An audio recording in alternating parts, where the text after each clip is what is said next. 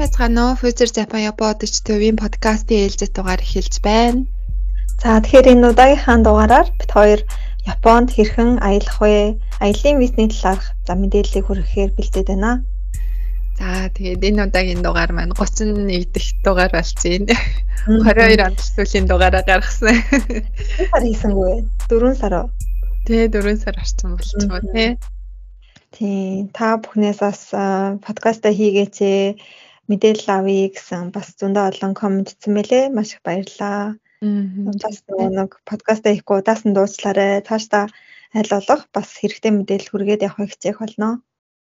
Тийм за тэгээд э, аялын визний талаар мэдээлэл өгөх гэж байгаа болохоор анхудаа сонсож байгаа хүмүүс бас гарч магадгүй. За манай төв болохоор Японы Токио хотоос үйл ажиллагаагаа явуулдаг Future Japan Япон хөтөч гээд төв байгаа юм. Тэгээ бид хоёр хоёулаа Токио хотод байгаа.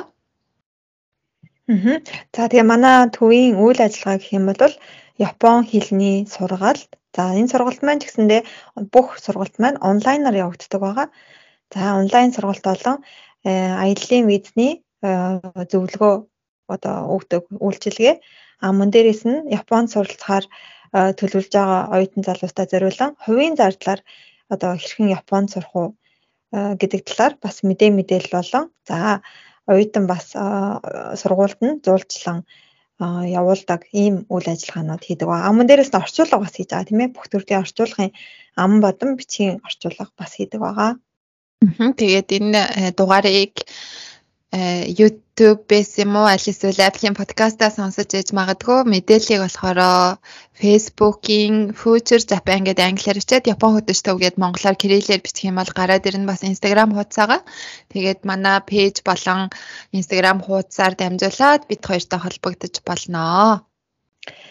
За, ойрд подкаст хийгээгүй жоохон сандраад байна шүү. Харин тийм ээ. За, за ерөнхийдөө энэ за гол сэдв рүүгээ орох уу да. Тэгээ да тий олон зүйл навшлах уу. За ер нь битээр өнөөдөр аялын визийг яаж мэдүүлэх үү гэсэн тэр нөгөө нэг процессыг нь л яриа гэж бодож байгаа юм те. Ягаад тэгэхээр сүүлийн үед хүмүүс одоо нэлээ манай төвөөс ч гэсэн асууж байгаа бас нөгөө заруудаар харахаар яаж виз мэдүүлэх үү, яах вэ их үү гэсэн асуултууд нэлээ хүмүүс би биенээсээ тавьсан харагдаж байгаа болохоор тэр талаар нэгцэн мэдээлэл өгье гэж бодоод энийг бичиж байгаамаа. За тэгээд ээгийн маань бас энэхүү салбарт аяллаа салбарт ажилладаг байгаа. Тэгээд Монголоос жуулчид тийм ээ Японд руу аяллаа юугаар визний тийм ээ жуулчд авдаг учраас за ээгийн маань энэ талаар бас илүү дэлгэрэнгүй бас мэдээллүүдийг нь мэдж байгаа учраас та бүхэнд за хэрэв Японд цаашдаа аялье гэж төлөвлөж байгаа хүмүүс ахын бол за энэ дугаарыг маш сайн сонсож аваарай. За тэгээд э сая э, хэлсэнчлэн би болохоор Японд Японы аялын компани үндсэн ажилтнаар ажилладаг. Тэгээд манайх болохоор ер нь бол Япон дотор японочдыг аялуулдаг аялал хийдэг хийдэг голчлон хийдэг. Тэгээд сая Японы хэл өнгөрсөн жил нэгдснээс хойш Монголоос групп жуулчид авж байгаа. Тэгээд манайх нодлон 9 сараас эхлээд жуулчид аваад одоо бараг 5 6 дахь группээ авж эхлээд нөгөө янз бүрийн айгуух материал шаарддаг гэсэн тэр үед нэг 5 10 хүн иржсэн бол одоо бүр автобус дөрвөн Монгол аялагчид маань ирдэг болоод байна. Манай монголчуудаас айгуу гоё аялдаг болсон юм байна гэж би харж байгаа. Аа нөгөө Вьетнам, Таиланд зэрэг Азийн орнууд руу их явж ийн. За тэгээд Япон руу бас аялж байгаа, гэр бүлээрээ аялж байгаа. Одоо сая энэ нөгөө өвөл хүүхдийн амралт зуны амралт биш ээ өвлийн амралт нэлээд урталсан болохоор гэр бүлээрээ ирж байгаа аялагч нар нэлээд их байна. Тэгээд э, миний хувьд болохоор яг үнцэн ажил маань энэ боловч Twitter Japan төв маань болохоор миний одоо одоо өөрөө хуваараа хийдэг одоо ажил учраас за тэгээд саяны ярьсан одоо аялын компани ажил маань миний үнцэн ажил. Тэгээд Монголд аялын Монголд байдаг Японд руу явуулдаг аялын компанитай манайх одоо гэрээтэй ажилладаг гэсэн үг байгаа юм. Тэгэхээр тэр компани Монголд байдаг гэрээтэй компани маань ерөнхийдөө хүмүүсийнхээ аялын визийг нь мэдүүлээд өгдөг боловч одоо энэ төвөөрөө дамжуулаад бид хоёр хүмүүсийн аялын визний материалыг зөндөө олон хүмүүсийн материалыг хийж тэ надлан хил нэгдснээс хойш гаргаж өгч байгаа болохоор нэлийн одоо туршлагатай. За тэрнээс өмнө ч гэсэн одоо бидэд өөрсдөө Японд амьдарч байгаа болохоор гэр бүлийнхнийгээ маш их наашаа дууддаг. Тиймээс учраас аялын визийг ер нь маш их хийсэн. Тоогоо алдсан. Тийм ба. Тэгэхээр за яг хаа мэдээж сая эгээ ярьсан те аялын компаниар ингээд зуршлуулад Японд аялья гэх нэг сонголт байгаа тийм ээ. А тэр тохиолдолд мэдээж аяллаа Монголд байгаа аялын компани бүх бичиг баримтыг нь бүрдүүлээд одоо визнийхэн материалыг нь бүрдүүлээд өгж байгаа тийм ээ. А тэгэнгүүт одоо өнөөдөр бит хоёрын хүрэж байгаа мэдээлэл болохоор хувийн одоо хуваараа яаж өөрөө виз мэдүүлээд за магадгүй одоо Японд ах トゥ найз нөхөд хамаатан садан дээрээ зочлох альсвал өөрөө одоо Монголоос тийм ээ найзтайгаа ч юм уу гэр бүлээрээ хуваараа аялах тийм ээ Японд. За тэр виз мэдүүлэхэд одоо яаж ямар ямар бичиг баримт хэрэгтэй юм бэ гэдэг талаар ярих юм шүү. За тэгээд одоогийн өнөөдөр бол 1 сарын 17-ны өдөр байгаа. За өнөөдрийн байдлаар гэх юм бол Японы Монгол дахь Японы элчин сайдын яамд аяллаа виз мэдүүлэхэд За заавал одоо хүртэл цаг авдаг байсан байгаа тийм ээ уцтаж эхлээд та юу хийх ёстой вэ гэхээр хамгийн нэгдүгээр хийх ёстой зүйл чинь цагаа авах байгаа. Ярилцлагын виз мэдүүлэх цагаа. За тэгээд тэр цаг нь болохоор 3 сар өнөөдрийн байдлаар асуусан чинь 3 сар хүртэл 3 сарын 31 хүртэл бүх цаг нь дууссан байна. За тэгээд 4 сараас эхлээд дахиад шинэ удирдамж гарах учраас төр хүлээнэ үү гэсэн хариуг одоо өгч илээ. Тийм учраас яг одоо энийг сонсож байгаа хүмүүс ахын бол а юугээ 4 сараас эхлээд за одоо тун удахгүй юу визний одоо энэ цаг авах тийм ээ яаж одоо материал бүрдүүлэх талаар за Япон улс элчин сайдын яамны хоум пэйж дээр нь миний бодлоор удахгүй мэдээлэл гарах байх гэж бодож байна. Тэгэхээр энэ мэдээллийг бас орсны дараа та бүхэн өөрсдөө бас судлаад хэрхэн яаж те цаг авах вэ гэдгийг бас нэгтлаарэ гэж хүсгээр байна. За Эгээ цагаа авчлаа штэ. Цаг авсныхаа дараа юу хийх ёстой вэ? Цаг авсныхаа дараа цагаа болохоор э, Монгол дахь Японы элчин сайдын яам гээд гуглээс хайгаад тэ элчингийн вебсайтнаас ороод э, элчингийн э, утаснаас гадна яг цаг авах зориулттай өөр тусдаа утас байсан. Тэрлүү залгаад цаг явъя гэд нэрээ хэлээд цагаа авна. За тэгээ цагаа авсны дараа болохоор бас яг элчингийн вебсайтн дээр байгаа бүрдүүлэх материал байгаа. Тэрний дагуу бүрдүүлээд л одоо тэр захиалсан цагаараа өгөхөд ер нь бол болдог. За тэгээд элчингийн э, вебсайтн дээр бүх юмыг нь маш тодорхой бичсэн байдаг.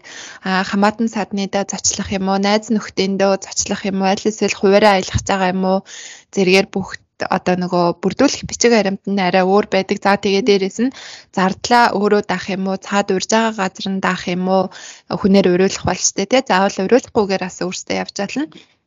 Тийм учраас тус тусдаа бүгдээрээ бүрдүүлэх материал нь жаахан жаахан өөр байдаг учраас тэрний дагуу тэрийг яг сайн эхнээс нь уншаал эхнээс нь яг бүгдийг нь бүрдүүлэхэд болно. Тэгээд Тийм, уул нь болохоор байгаамаа.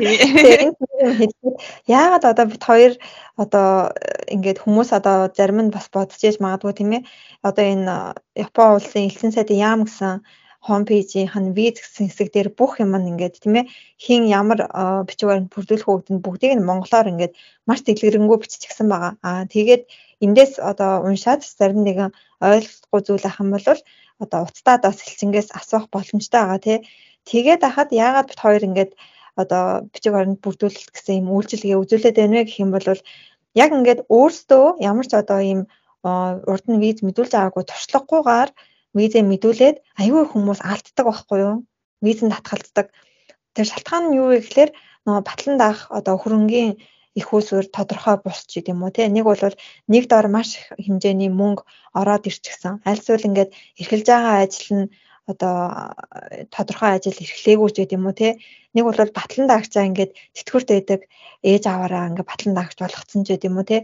Иймэрхүү нөгөө нэг өөртөө мэдхгүйгээс болоод маш олон нөгөө нэг алдаанууд гардаг учраас бит хоёрын хувьд гэх юм бол за манай төвийн хувьд гэх юм бол зөвхөн ингээд юу яагаад одоо яг энэ юун дээр тийм ээ э, бүрдүүлэх материалын жагсаалтыг нь явуулаад за энийг энийг энийг бэлдээрэй гэж орхичдаг юм бол биш таны ингээд бүх бичиг бүрдүүлсэн бичиг баримтыг чинь ингээд харж агаад тэн дээр нь одоо нэгсэндээ бид нэр өөрсдийнхөө зөвлөгөөг туршлага дээр үндэслээд зөвлөгөө өгнө гэсэн үг байхгүй юу? Та энэ бичиг баримтаа ингэж одоо өгвөл зүгээрээ нааж гэдэг юм уу? Танд тэгвэл дахиад одоо өөрийнхөө хөрөнгийг нотлох төлөх хөрөнгө байвал тэрийгээ бас хамт өгчгөөч гэдэг юм уу те.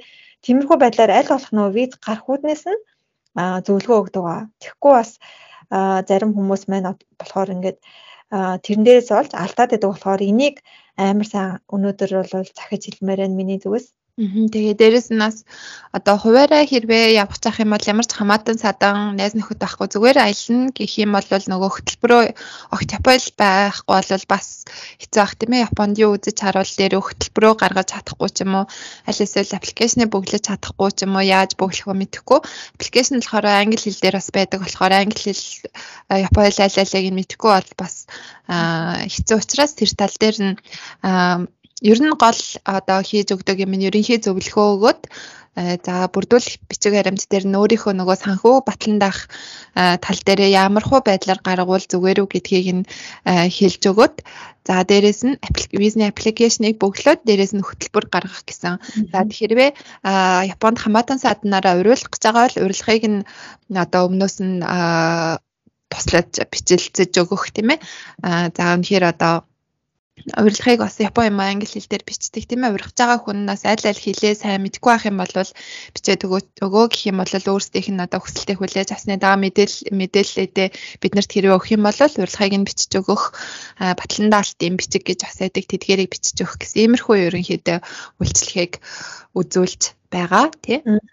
Яг зөв сая тэр хөтөлбөр гэсэн дээр хэлэх юм бол бас хөтөлбөр дээр маш их алддаг Одоо жишээлбэл за зарим хүмүүс маань хамгийн Японы визний талаар, аялын визний талаар мэдгүй байгаа хүмүүс лэхэд аялын виз нь за хамгийн урттаа бол 90 хоног хүртэл гарах боломжтой байгаа тийм ээ. За тэгээд зарим хүмүүс маань одоо жишээлбэл 90 хоногийн виз аммаар байдаг. Тэнгүүтээ хөтөлбөрөө өөрөө 14 хоногийн хөтөлбөр бичээд өгчдөг. Тэгэхээр мэдээж тэр хүнд тэр хөтөлбөрт нь таарсан л одоо визийг нь дарж өгнө гэсэн үг шүү дээ тийм ээ. Хэдийн нөгөө нэг аппликейшн дээр одоо хэдэн хоног одоо Японд ямар байгаа юм бэ гэсэн тэр хүсэлтэн дээрээ 90 хоног гэж бичсэн ч гэсэндээ а юу маань хөтөлбөрийнх нь хөтөлбөрийг нь харж агаад ерөнхийдөө хэдэн хоногийн виз өгөх вэ гэдэг нь бас шийдэгддэг байгаа. Тэгэхээр тэгээд бас дээрэс нь хөтөлбөрөө бас өөрийнхөө нэг юу а одоо тэр нөгөө юутай банкны одоо тэр нэг уснаа дансны одоо тэр үлдэгдэл болон эрхэлж буй ажилтайгаа бас жоохон уялдуулж гарах хэрэгтэй. Тэгэхгүй одоо дансандаа тий одоо тиймч хэмжээний мөнгө байхгүй жиж одоо бараг л Японыг тойроо аялал хийн гээд айгүй тийм амар их мөнгө гарахаар өгтөлбөр битсэн байх юм бол бас арай жоохон нэг юутэй чинь бодит байдлаа чинь зөрчих учраас тэгэхээр иймэрхүү байдал дээр нь бас айгүй сайн анхаарч ер нь бүх юмыг нь л яг л одоо яг л өөрийнхөө тий ээжийг аавыг ингээд яг Японд аялын виз мэдүүлж байгаатай яг адилханаар одоо амар сэтгэлээ гаргаж юу адаг байгаа шүү. Аа тэгээ сая нэг 14 хоног гэжсэн дээр нэмэлчихэд Японы виз хамгийн багадаа 14 хоногоор гардаг. За 5 хоног ажиллах гэсэн ч 7 хоног ажиллах гэсэн ч хөтөлбөрөө 5 хоногоор 7 хоногоор 10 хоногоор бичээд өгөх юм бол хамгийн багадаа 14 хоногийн виз гардаг байгаа. За тэгээд 14-өөс дээш 15-аас 29 хоногийн хөтөлбөр бичих юм бол 30 хоногийн виз дарж өгдөг байгаа. За тэгээд тэрний дараа болохоор 3 сар буюу 90 хоногийн виз эдэг. 3 сарын виз болохоор хэрвээ одоо 35 хоног аялах хөтөлбөртэй жоох юм уу 36 тий 31-ээс дээш хоногийн хөтөлбөртэй авах юм бол 31 2 хоногийн виз гэсэн виз Японы элчинд байдгүй учраас 3 сарын виз дарж өгдөг байгаа. Тий. Тэгэхээр Тийм тэрэндээ таарууллаа. Тэгээ хүмүүс бас нөгөө дансандаа хідэн төгрөг байх хэрэгтэй вэ гэж асуудаг. Тэгтээ цаанаас заасан тийм одоо юу байхгүй одоо сургууль болвол нэг тий багтаа сургалтын төлбөр байх хэрэгтэй ч юм уу амжиргааны зардал байх хэрэгтэй гэсэн юм байна. Харин аяллаа виз авах юм бол угаасаа логикоор бодоход ч гэсэндээ хоёр талын онгоцны зардал. За тэгээ бичсэн одоо 30 хоног аялах бол 30 хоног Японд амьдрах зардал. Зочд буудлын мөнгө одоо өдрийн 3 хоол юу гэдин тэр хэмжээний мөнгө нь хэрэгтэй болон тэ хамгийн багтаа тэгээд тооцож үзээд за хичнээн хоногийн одоо виз авах хүсэлтэй байгаа. Хичнээн хоногийн хөтөлбөр бичих тэрэндээ тааруулаад за багтаа нэг тэдэн төгрөг байхгүй бол одоо болохгүй юм уу тий одоо тийм мөнгө дансандаа байршуул гэсэн утгаар биш. Зүгээр монголчууд чинь бид нар чинь заавал дансандаа мөнгөө байлгаж магадгүй гар дээрээ ч юм уу хүнд зэлцэн ч юм уу тийм байдаг болохоор дансандаа энэ мөнгөө хийгээд ингээд бэлэн байлгаараа гэсэн үднэс хэлж өгдөг. Тэр одоо гартаа байгаа мөнгийг угаасаа бид нар элчэнд яаж байгаагаа нотлох боломжгүй учраас дансандаа хийгэрээ гэсэн утгаар. За тэгээд бас виз мэдүүлэхийн өмнө өмнө за 6 сарын дансныхаа орлого зарлагын хуулгыг заавал өгөх шаардлагатай байдаг. За тэгэхээр энэ 6 сарынхаа хуулган дотор хэрвээ одоо таны данс чинь жишээлбэл 3 сарын турш ямар ч одоо гүйлгээ хийгдэхгүй байж байгаад гів гинтхэн элчэнд орохын өмнө 10 сая төгрөгч байд юм уу те ороод ирсэн байх юм бол энэ одоо мөнгө маань хаанаас орж ирсэн мөнгө вэ гэдгээ тэрийг тайлбарлах хэрэгтэй. Тий. Тэгэхээр энийг одоо нотлохын тулд, батлахын тулд жишээлбэл за хэрвээ та машина зарсан байж болно те. Тийм бол машина зарсан одоо тэр э, юу ч юм уу те. нэг э, нэр шилжүүлсэн гэрээ ч юм уу те. Альсвал зарсан тэр баримт альсвал одоо юу гэдэг а ямар нэгэн одоо тийм юутэй нотлох тийм а юу гин баримттай болвол сайн а нэг бол найзаасаа энэ төр зээл авсан зээлсэн мөнгөө бутаад авсан байж болно тий. Гэхдээ ерөнхийдөө иймэрхүү нэг дор их хэмжээний орлого орж ирэх нь таны нөгөө визэг цан гарах бас магадлал жоохон бууруулдаг учраас аль болох бидний зөвлөдөг нь юу вэ гэхээр ингээд баг багаар за тэгээ эртнээс одоо яг Япон явна гэж шийдсэн үедээ тийм эртнээс юугээ мөнгөө хоримтлуулж агараа. Тэгэхгүй бол ингээд нэг доор их мөнгө орох нь тэр элчингийн сайт дээр бичсэн байдаг тийм ээ. Нэг доор их мөнгө орох нь ингээд юу ах виз татгал заах бас шалтгааны нэг том нь болдог учраас энэ дээр аягүй сайн хараарай.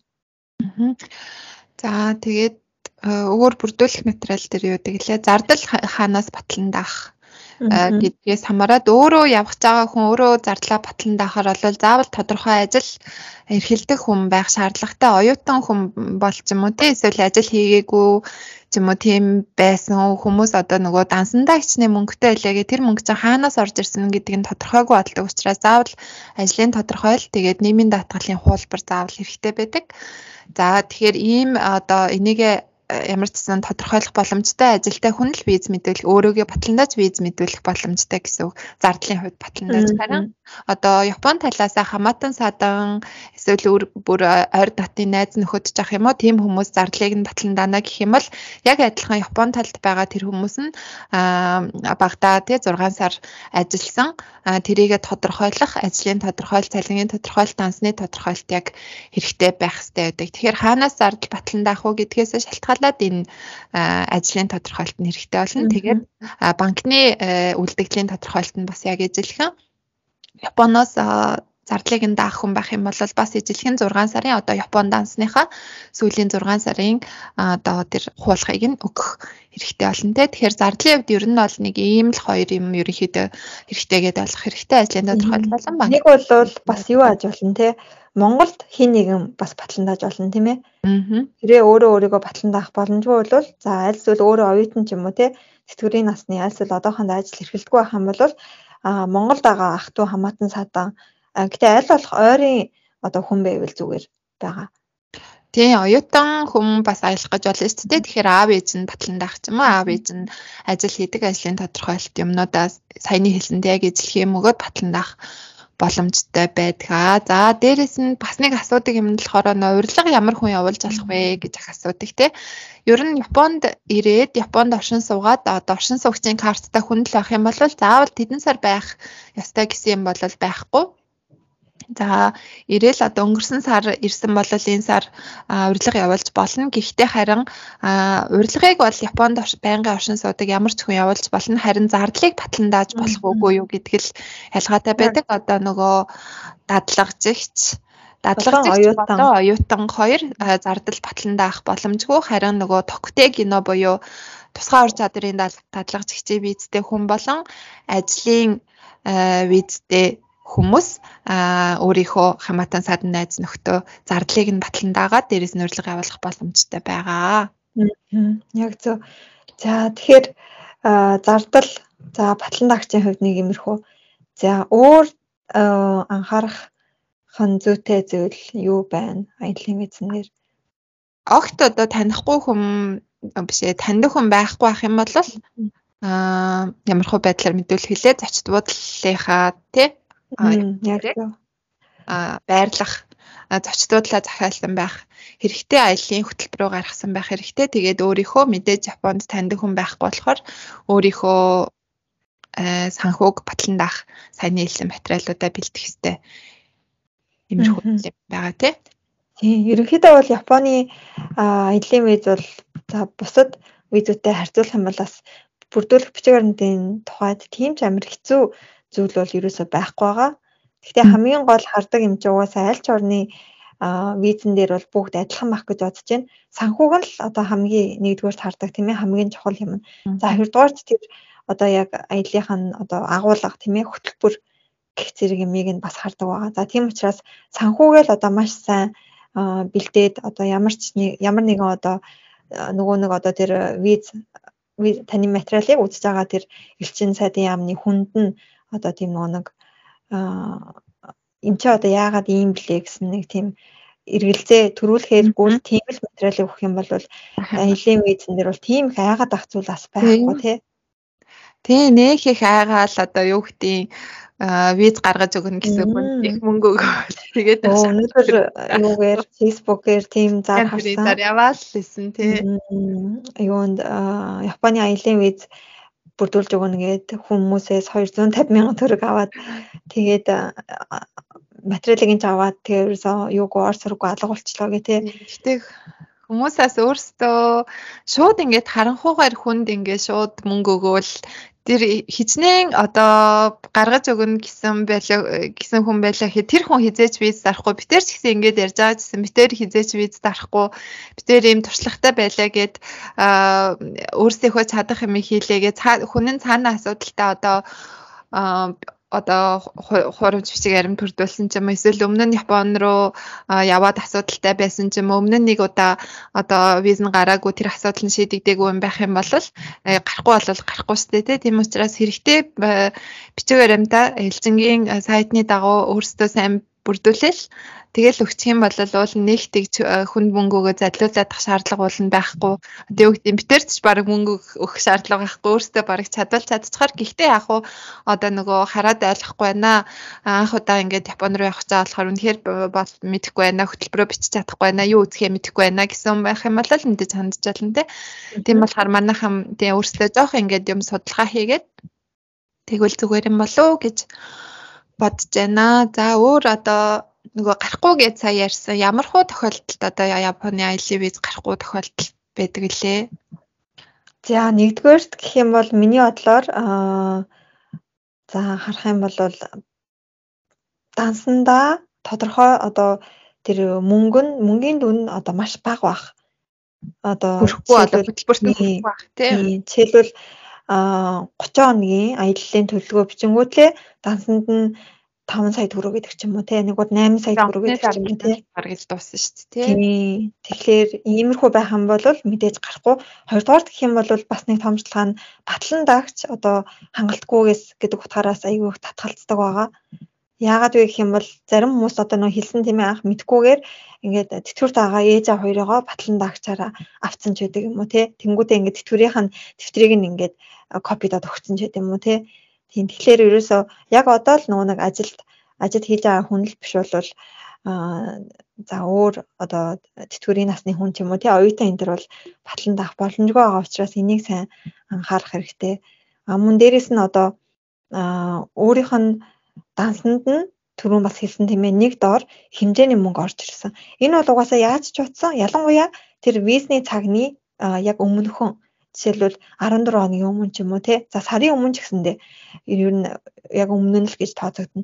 Их хэмжээний мөнгө нэг доор одоо ороод ирчихсэн баг. Өмнөх 5 сарын хугацаанд нь ямар ч гүйлгээ байхгүй тийм том гүйлгээ ерөөсөө хийгддэггүй ээжэж гів гинтхэн л нэг сарын өмнө визэнд орохын сарын өмнө хэдэн сая 10 сая төгрөгөөрөө ороод ирчихлээр мэдээж аа энэ мөнгийг визний төлөө визэнд ингээ орохын төлөө одоо төр зүр ингээд байршуулж байгаа юм байна гэд ойлгогдчих учраас ийм одоо алдаануудыг битгий гаргаарай гэж хүсэл хэлмээр байна да. Юм бол бараг л юунд тийм ээ татгалзах том шалтгаан нь болно. А мөн дээрэс нь хөтөлбөрийн хувьд хөтөлбөр нь одоо жишээлбэл өөртөө ямар ч одоо авцалдаагүй ч юм уу те тиймэрхүү байх. Би саяхан нэг бизнес материалыг бодож ирсэн нь юу вэ гэхээр нэг залуу ингээд ганцаараа одоо жишээлбэл за 40 хүрэх байгаа тийм ээ. Тэнгүүдээ ингээд ганцаараа одоо жишээлбэл Японд 10 хоног аялна гэд тэгэхээр бас э, яг Монгол хүний ингээд сэтгүүр бодохоор жоохон сонир санагдаад байгаа хгүй надаа. Одоо за жишээлбэл Япончууд ч юм уу те нэг бол одоо Европчууд, Америкчууд энэ төр байсан бол бас нөө тэд нар чинь айгүйх нөө соло travel хийдэж штэ те.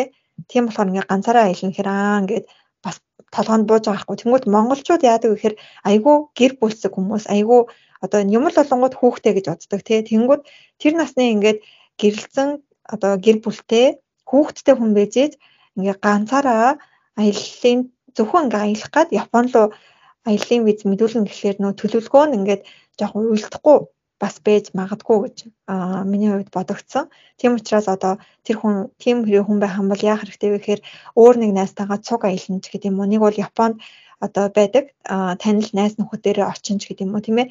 Нэг бол одоо өөрийнхөө ажил мэргэжилтэйгээ жоохон холбоод одоо жишээлбэл би Монголд одоо юу ч гэдэг нь тий. За ямар нэгэн за Апууд ажилладаг байла. Тэгэнгүүт ингээд Японд очоод одоо Японы одоо тэр Апуутай ойролцоо тий үйл ажиллагаа явуулдаг үйлдвэрийг ингээд харж судалмаар байна ч гэдэг юм уу тий.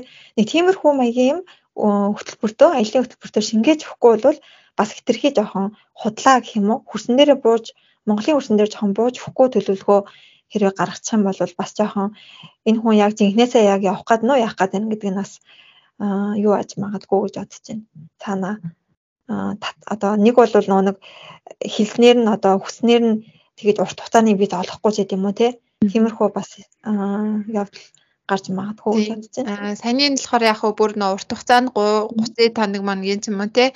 Одоо ингээ ажилтай гэр бүлтэй ээжэж 30 тоног аялал хэрж авах юу байж магадгүй. Гэхдээ нэг яг хөө 10 10 ч юм уу те. Богино хугацаагаар бол яг хөө болох л хальтай те. Үнэхээр аялж байгаа л одоо тэгэл үнэлэх л та. Тийм тэгээд виз гарахгүй гэсэн нөгөө шалтгаануудын нэг нь болохоор өмнө нь аялын виз өгөөд гарч байгаагүй бол бас татгалзах гаддаг те. Тэр одоо ямар шалтгаанаар ингэдэг нь бас сайн мэдэхгүй л юм л те. Ямар одоо шалгуураар юу байд юм байгаа. За тэгээ бас дээрэс нь нөгөө урт хугацааны виз одоо сургуулийн ч юм уу Японд ажлын виз өгж байгаа татгалцсан болвол аялын визэнд нөлөөлөх үү гэж асуудаг нөлөөлдөггүй байхаа тий. Уул нь нөлөөлөхгүй байх хэрэгтэй тий. Урт хугацааны виз бол Японы хууль зүйн яам хариуцдаг. Богино хугацааны визийг Японы элчин буюу гадаад хэргийн яам хариуцдаг. Нөгөө хариуцж байгаа яам нь өөр өөр болохоор э, баг нөлөөлөхгүй байх гэж бодож байна. Гэхдээ бас цаана ямар нарийн юм байдгийг нь бас бид нар мэдэхгүй тий. Тийм. Цаана одоо за Японы хууль дүрмийг зөрчөөч ч юм уу тий. Ямар нэгэн одоо хэрэг төвөгт орооцолдог бол энэ бол аялын виз болон нөгөө нэг оюутан ажлын виз гэж хоёр тусдаа ойлголт учраас энэ дээр бас гайгуулах гэж бодож байна. Аа тийм тий. За за ерөнхийдөө тэгээд аа тэгээд аяллаа Японы виз болохоор 70 хэдэн мянга лээ. 79 мянган төгрөг. 79 мянган төгрөг. Зөвхөн энийг болохоор визээ мэдүүлээд гарсан тохиолдолд гарсан тохиолдолд төлн гараагүй болвол төлөхгүй нөгөө өөр Америк Америк юмар амар үнэтэй юм л 160 доллар хаа. Хатанч гараагүй төлнө. Тий. Япон бол хөөрхий гайгүй. Харахгүй бол төлөхгүй. Тэгээд ажлын 3 хоногт гардаг тийм ээ. Өгөө маш хурдан. Тийм өгсний дараа 3 хоногийн дараа очиж авдаг. Тийм ба. За тэгээд энэхүү үйлчилгээнүүдээ үзүүлээд хураамж нь байгаа лээ. Тийм манайхаас тийм 200 сая төгрөгөөр л хийж өгч байгаа тийм ээ. Имэрхүү зөвлөгөө юмнууд яагаад. Тэгээ хүмүүс ямар ч гэсэн манайх ямар хүмүүс одоо холбогдоосоо гэж бодож байна. Тэгэхээр саяны битэрийг хэлсэн нөгөө шаардлагыг хангасан хүмүүс нь холбогдоосоо гэж бодож байна. Одоо ажилхүү ч юм уу тийм байх юм бол битэр хуурамч бичиг харин бүрдүүлж чадахгүй учраас зүгээр одоо бэлэн байгаа. Одоо Японы виз мэдүүлэх одоо шаардлагыг хангасан хүмүүс л материалыг нь тусалж байгаа болохоос тийм визийг гаргах ч юм уу тийм ямар нэг юм бүр одоо хийж өгөх тийм юу байхгүй учраас тийм учраас нөгөө хүмүүс баах юм асууж асууж асуучаал тэгэл нөгөө аа юу яцдаг алга болцдог ч юм уу тиймэрхүү байхгүй. Тийм одоо илүү нөгөө цагаа хэмнэх гээд бас энэ подкаст хийж байгаа гэсэн утга байгаа болохоор энэ визний Японд элчин сайдын яамны вебсайт дах мэдээллийг уншаад тэгээ энэ подкастыг сонсоод за за би энэ шаардлагуудыг хангаж байгаа мэнэ танахаар юм а бүрдүүлье гэх юм бол та холбогдож олно. Аа. За бас энэ визний бүрдүүлэх материалын нөгөө нэг юуг нь элчингийн вебсайтыг доор юу ачи тийм ээ. Аха. Скриптэн дээр тавьчих тийм ээ. За мөн дээрэс нь дээрэс нь бас юу их вэ гэхлээр за хэрэг та бүхэн одоо амир. Аа Японд за өөртөө аялах гад за тэгээд одоо юу ч хэдин тийм ээ хөтөлбөр зохиолгох байт юм уу тийм ээ. За зочбуудал захиалуулах байт юм уу те. За тиймэрхүү одоо optional нэмэлтээр үйлчлэгээ авахыг хүсвэл бас холбогдож олно шүү. Одоо жишээлбэл за Disney тогломоор байна. Тэгтээ ингээд билетийг нь одоо юу гэдэг чинь те урьдчилаад ингээд захиалмаар байна ч гэдэг юм уу те. Нэг бол Кёто руу 2 хоногийн аялал хиймээр байна. Яг гой гой газруудыг нь л очиод үзчихмээр байна ч гэдэг юм уу те. Тэгэх юм бол бит хоёр ингээд маш сайн таны одоо яг юу үзмээр байгаа, юу хиймээр байгааг чинь сонс асууж агаад за тэгээ танд тохирсон тэр юуг нь аялын планыг нас гаргаж өгөх боломжтой байгаа шүү. Аа за тэгээд түрүү нөгөө ярианы ихэнд хэлжсэн одоо 1 сарын 17 байгаа 3 сар хүртэл цаг дүүрсэн байгаа гэжсэн. Тэгээд 4 сараас цаг авах шаардлагагүй болох байх гэсэн яриа гараад байгаа учраас элчингийн уцрын залгаж үзээд хэрвээ одоо цаг дурсан байна гэх юм бол 4 сараас цаггүй болох үед нь бичиг баримтаа бэлдэж бүрдүүлж байгаа 4 сараас л одоо баг визэ мэдүүлэх боломжтой болно гэж бодож байна. Тиймээс та бүхэн хэрвээ за 4 сараас визэ мэдүүлээд Японд ирья гэж төлөвлөж байгаа бол одооноос эхлээд ерөнхийдөө бичиг баримтуудаа тийм бүрдүүлээд хамгийн гол нь одооноос эхлээд нөө дансаа тийм ээ хэрвээ таны дансанд одоогоор хангалттай хэмжээний мөнгө орж одоо цугларч ирээгүй байгаа бол тэрийг одооноос эхлээд баг багаар нь юу авах хэрэгтэй. За ингээд хуримтлуулад явах ч гэдэм үү тий. За мөн дээрэс нь одоо өөр ямар юу гэдэг бичиг баримт байдیں۔ Тэднэрийг бүгдийг нь одооноос эхлээд эртнээс бүрдүүлээд за тэгээ 4 сараас хэрэг цаг авахгүйгээр за шууд аялын үед хүлээж авна гэх юм бол одоо хамгийн нэгдүгürt нь очиад очирлаад байж байгаа нь шүү дээ. Харин бөө ожир болох байх та тэр яа юм аа тий. За тэгээд хоёлаа одоо виза авсан байгаа ч юм уу тий удахгүй ирэх байгаа хүмүүстэй нэг ойр зүрийн мэдээлэлтэй хэлээр яаж мэтрэх талаар гэсэн мэдээлэл өгөө. Японд болохоор одоо 3 вакцин хийлгсэн хүмүүс ах юм бол вакцина вакциныхаа бичгээ үзүүлэх юм бол PCR шинжилгээ байхгүй шууд Японы хэлээр нэвтэрж байгаа. Харин 3 вакцин хийлгээгүй 2 ч юм уу вакцинтай хүмүүс ах юм бол 72 цагийн өмнө өгсөн PCR шинжилгээг ни бичгтэй ах юм бол шууд хэлээр нэвтэрж байгаа. Японы хэл дээр ирээд бол ямар нэгэн PCR шинжилгээ байхгүй. Харин нөгөө хятадаас ирж байгаа хүмүүст хэл дээр PCR шинжилгээ аваад байгаа юм билээ. Тэрнтэй хүмүүсээс андуураад PCR дахиад хэл дээр өгөх юм уу гэдээ андуураад байдсан. Монголоос бол хамаагүй байгаа. Аа тэгээд энэ гурван тун заавал Японд зөвшөөрөгдсөн гурван тун байгаа тийм ээ. Одоо жишээлбэл Монголд ч нэг айгүй хүмүүс хятад вакцин айгүй хийлгсэн шүү дээ тий.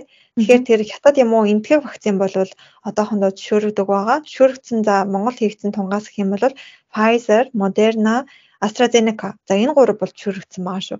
Тэгэхээр хэрвээ энэ гурваас гурванг нь гурваас дээш удаа, гурван удаа хийлгсэн байж PCR-гүй орж ирнэ гэсэн үг шүү дээ тий. Тэгэхээр хоёр Pfizer тийм нэг одоо энтгэг энэ төр байх юм бол болохгүй гэсэн үг. А хоёр Pfizer биш гурван хоёр Pfizer хоёр юу ч гэдэг юм тий. Одоо өөр Moderna ч гэдэг юм уу тий. Зөвшөөрөгдсөн вакцинуудыг хооронд нь хольж улаалж бол Аваарсан юм бол ч надад тий харин юу чи. За тэгээд юугээ хэрвээ PCR тийм ээ. За Монголдо юу байгаагүй бол зөвшөөрсөн вакцин байхгүй бол PCR-аа өгж орж ирээд за тэгээд орж ирэхдээ нэг юу бүгэлж байгаа тийм ээ? Fast track гэдэг Тийм нөгөө дижитал дижитал яам Японы дижитал яам гэдэг нэг юм вебсайт нэгсэн мэлээ тэнд бүртгэл хийлгээд пассвортаа бүртгүүлээд янз бүрийн нөгөө PCR-ийнхаа шинжилгээ Японд байрлах хай гэднэрийг бүгдийг нь урьдчилан бөглөөд нэг QR код үүсгээд ирэх юм бол хил дээр тэрийгээ шууд шууд үзүүлээд орчин. Харин за бүр болохгүйсэн ч Нарита дээр бүр бөөн хүмүүс нөгөө тайлбарлаж байгаа хүмүүс байна гэсэн. Хоёр алхаал нэг хүн байна гэсэн. Та ийшээ яваараа QR кодоо бөглөнө бөглөөгүй. Тэрээ одоо бүр болохгүй бол тэрийгэ бөглөөгүй ирсэн байсан ч хил дээр ирээд бас бөглөж алах юм лээ. Тэр үед одоо юу чухлав гэхээр PCR-ийн шинжилгээ аль эсвэл вакцины бичиг тэгээд Японд дах байрлах хаяг утасны дугаар ийм юмнууд байхад ирсний дараа хил дээр бөглөөд бас орж болж байгаа. За тэгээд Япон руугаа орж ирснийхаа дараа Японд бол одоогийн байдлаар бүгд маск зүүж байгаа. Коронавитойгоо хамт амьдарч байгаа. Японд бас нэлээ өдөрт хэд гарч байгаа вэ одоо? Нилээ их их байгаа шүү. Тийм одоо өвөл алдсан болохоор бас нөгөө нэг бактери үйлрэл эхлэв тий. Тийм учраас одоо Монгол маань одоо бүгдээрээ л одоо нөө маск болсон шүү дээ тий. Аа. Тийм тэгээд бас нэг хэсэгтээ айгүй жоохон хэцүү байж магадгүй тийм учраас онгоцон цухаас өмнө заавал маска авчраарай, масктайгаа ирээрээ. Тэгээд ер нь гэтээ гадуур одоо болвол гадуур алхах цаахад тийм ээ гадаа орчинд бол маск авахыг болвол юу ааж байгаа нь шүүрж байгаа юм байлээ. Харин дотор орчинд болвол ер нь дандаа л масктай байх хэрэгтэй. Тэгээ гадаа нөгөө нэг олон хүн байх юм бол бас зүг гэдэг лээ. Тийм байлээ. Тэгээ 2 метрээ нөгөө нэг яаж чадахгүй бол авч чадахгүй бол зүг гэдгсэн тийм ээ. Тэгээд за э одоо виз авцсан тийм ирэх хүмүүс одоо аялах жоохон нэг амархан тип тип гэх юм уу юу гэх юм одоо тий. Аа. За миний зүгээс гэх юм бол Аялах ер нь англи хэл муутай. Тий, англиар ер нь ойлголцсон гэвэл хэцүү гэхдээ байхгүйгаас байсан дээр. Байсан дээр. Тэгэхээр нөгөө энэ тийм хаяг маяг юмнууд бол англиар бичсэн байгаа болохоор дэлгүүрийн үнэтэй англиар ойлголцох жоохон хэцүү. Тэгэл ер нь өөдөөс японоор л яриад байна. Тэгэл янз бүрийн тооцоо моцоо юм юм ихэд яг уу англи хэлээр сольж болдог юм байвал байна. Тэгэл байхгүй бол байхгүй. Гэхдээ яг хөө тэгэл нэг Google Translate байхад ер нь болно. За дээрэс нөө интернет дата аа Нарита дээр онгоцны буудлаас буугаад шууд дата сим авчвал зүгээр нөгөө сим фри уцтаах юм бол Монголынхоо симийг гаргаж агаад шууд а энтхийн дата сим аваад ашиглаж олно. Монголын Монголоос нөгөө Mobinет энэ төргээд роумингийн интернет аваад ирсэн хүмүүс ажиллахгүй байна. Айгу муу байна гэл тэгээд димлээ. Тэгэхээр ирээд авал зүгээр Япон жоохон Wi-Fi жоохон Wi-Fi-да жоохон харам байдгүй. Үйлчлэгээний байгууллагууд нь ер нь Wi-Fi ерөөсөө яадгүй те нууц код нь өгдөг үү? Тийм байхгүй газар бас ихтэй. Тийм болохоор баталгаатай интернеттэй л ирсэх юм бол Google Map-аас бүх юма хараад явцгаад ер нь боломжийн гайгүй те. Тэгэл үзмээр байгаа юмнуудаа урьдчилж үзээд ирэх юм бол буудлаа захиалсан байхад гайгүй те. Ер нь Тэгээ бид нэр өмнө нь бас нөгөө Японд аялах талаар гээд өөр бусад өөр подкастаас хийсэн байгаа тэрийг бас сонсож үзээд зөв зүгээр үү гэсэн юм жоохон санаа авч болно тий. Тийм Японд нөгөө хэрхэн хян зардлаар аялах вэ гээд бас тэр талаар ярьсан байгаа тий. Тийм учраас тэн дээрс сонсож байгаад зардлаа хэмнээд хям дараагаар мөн дээрэс нь олон юм үзмээр байна гэх юм бол тэрийг тэр подкастыг мань сонсоорой. Аа. За за иймэрхүү өөр нэмэх юм байна уу? Өөрч ерөнхийдөө нэлээд дайггүй яг л одоо энэ аяллаа визний талаарх бүх одоо юуг нь яг энэ нэг яг одоо юу гэдэг нийгмийн даатгал төлсөн одоо тэр нэг юу лавлгаа нь сүүлийн 3 жилэн дээр хэрэг болно ч гэдэг юм уу тийм иймэрхүү юмнууд нь бүгд одоо сайт дээр маш тодорхой монгол хэлээр бичсэн байгаа учраас яг энэ бүгдийг нь бол амар сайн одоо нэгтэлж бүгдийг нь нэг нэгэнгүй ярьсангүй. Ярьсангүй тийм. Ерөнхийдөө яг юун дээр хүмүүс их алдаад байна, юуг анхааруул зохих уу гэдэг талаар мэдээллийг бол өгсөн байхаа гэж найдаж байна. За тэгээд хэрвээ бидэнтэй холбогдоод за манад хандахыг хүсэх юм бол үргэлж нээлттэйгаа манай хувьд би бол яг нэг одоо юу гэх юм амлж чадах юм гэх юм бол найдвартай За тэгээд түргэн шуурхаа хугацаанд бол материал хэвчин ингээ бүрдүүлж өгдөг байгаа учраас энэ дээр бол нүр бартам хэлэхэд таатай байна. Ойлгохгүй гэж. Аа тэгээд тэр ярианыхаа ихэнх хэлсэн оюутан одоо хувийн зардлаар Японд суралцахыг хүсэх юм бол бас манад хандаж олно. Бас энэ тал дээр бас найдвартай мэрэгчлийн олон зүйлийн оюутан зуучлалын ажил энэ туршлага байгаа. Одоо Японд сурахаар ирнэ гэх юм бол 2023 оны жилийн 7 сарын ижилэлтэнд бүртгүүлж болно. Тийм ерөнхийдөө цагаан сараас өмнө бүх материалаа бүрдүүлээд өгчвөл 7 сарын эсрэлтээр ирэх боломжтой байгаа. Тийм учраас за 2 сарын 20-наас эхлээд одоо цагаан сар байгаа шүү дээ тийм учраас тэрнээс өмнө л одоо бүх юугээ материалаа бүрдүүлээд өгчих юм бол боломжтой байгаа учраас за мөн сурахаар аялахаар за ирэх гэж зорж буй хүмүүс ах юм бол за холбогдоорой. Юмд хандаарай. хөтөж Япон хөтөж хөтөж гэхээр бид тэрийг нөгөө гайд гайд юм уу гэж хүмүүс ойлгоод тий тэгтээ гайд гайд арай л хийж амжих амжих. Тий тэгтээ яг холбож өгч юм уу хайх тийм гэж бол Тэгээд ямар нэг юм болох юм бол бас комментоор асуугаад холбогдоорой. Тэгээд хоёлаа өнөөдрийн дугаараа дуусгах уу да. За тэгээ энэ үртэл сонсон та бүхэндээ маш их баярлалаа. Тэгээ ойрд подкаст хийгээгүй маш их сансан байна. Харин гоё байна. Гоё байна. Гоё байна тий. Аха хийж батсан тий хүмүүстэй хуваалцаарай энэ подкастыг шеэрлээрээ тийм ээ. Тэгээ бид хоёр дараагийн одоо дугааруудаар ямар дугаар яриулмаар байна ба санал хүсэлтээ бичээрэй. За дараагийн дугаараар дахин уулзцгаая. Түр баяртай. Баяртай.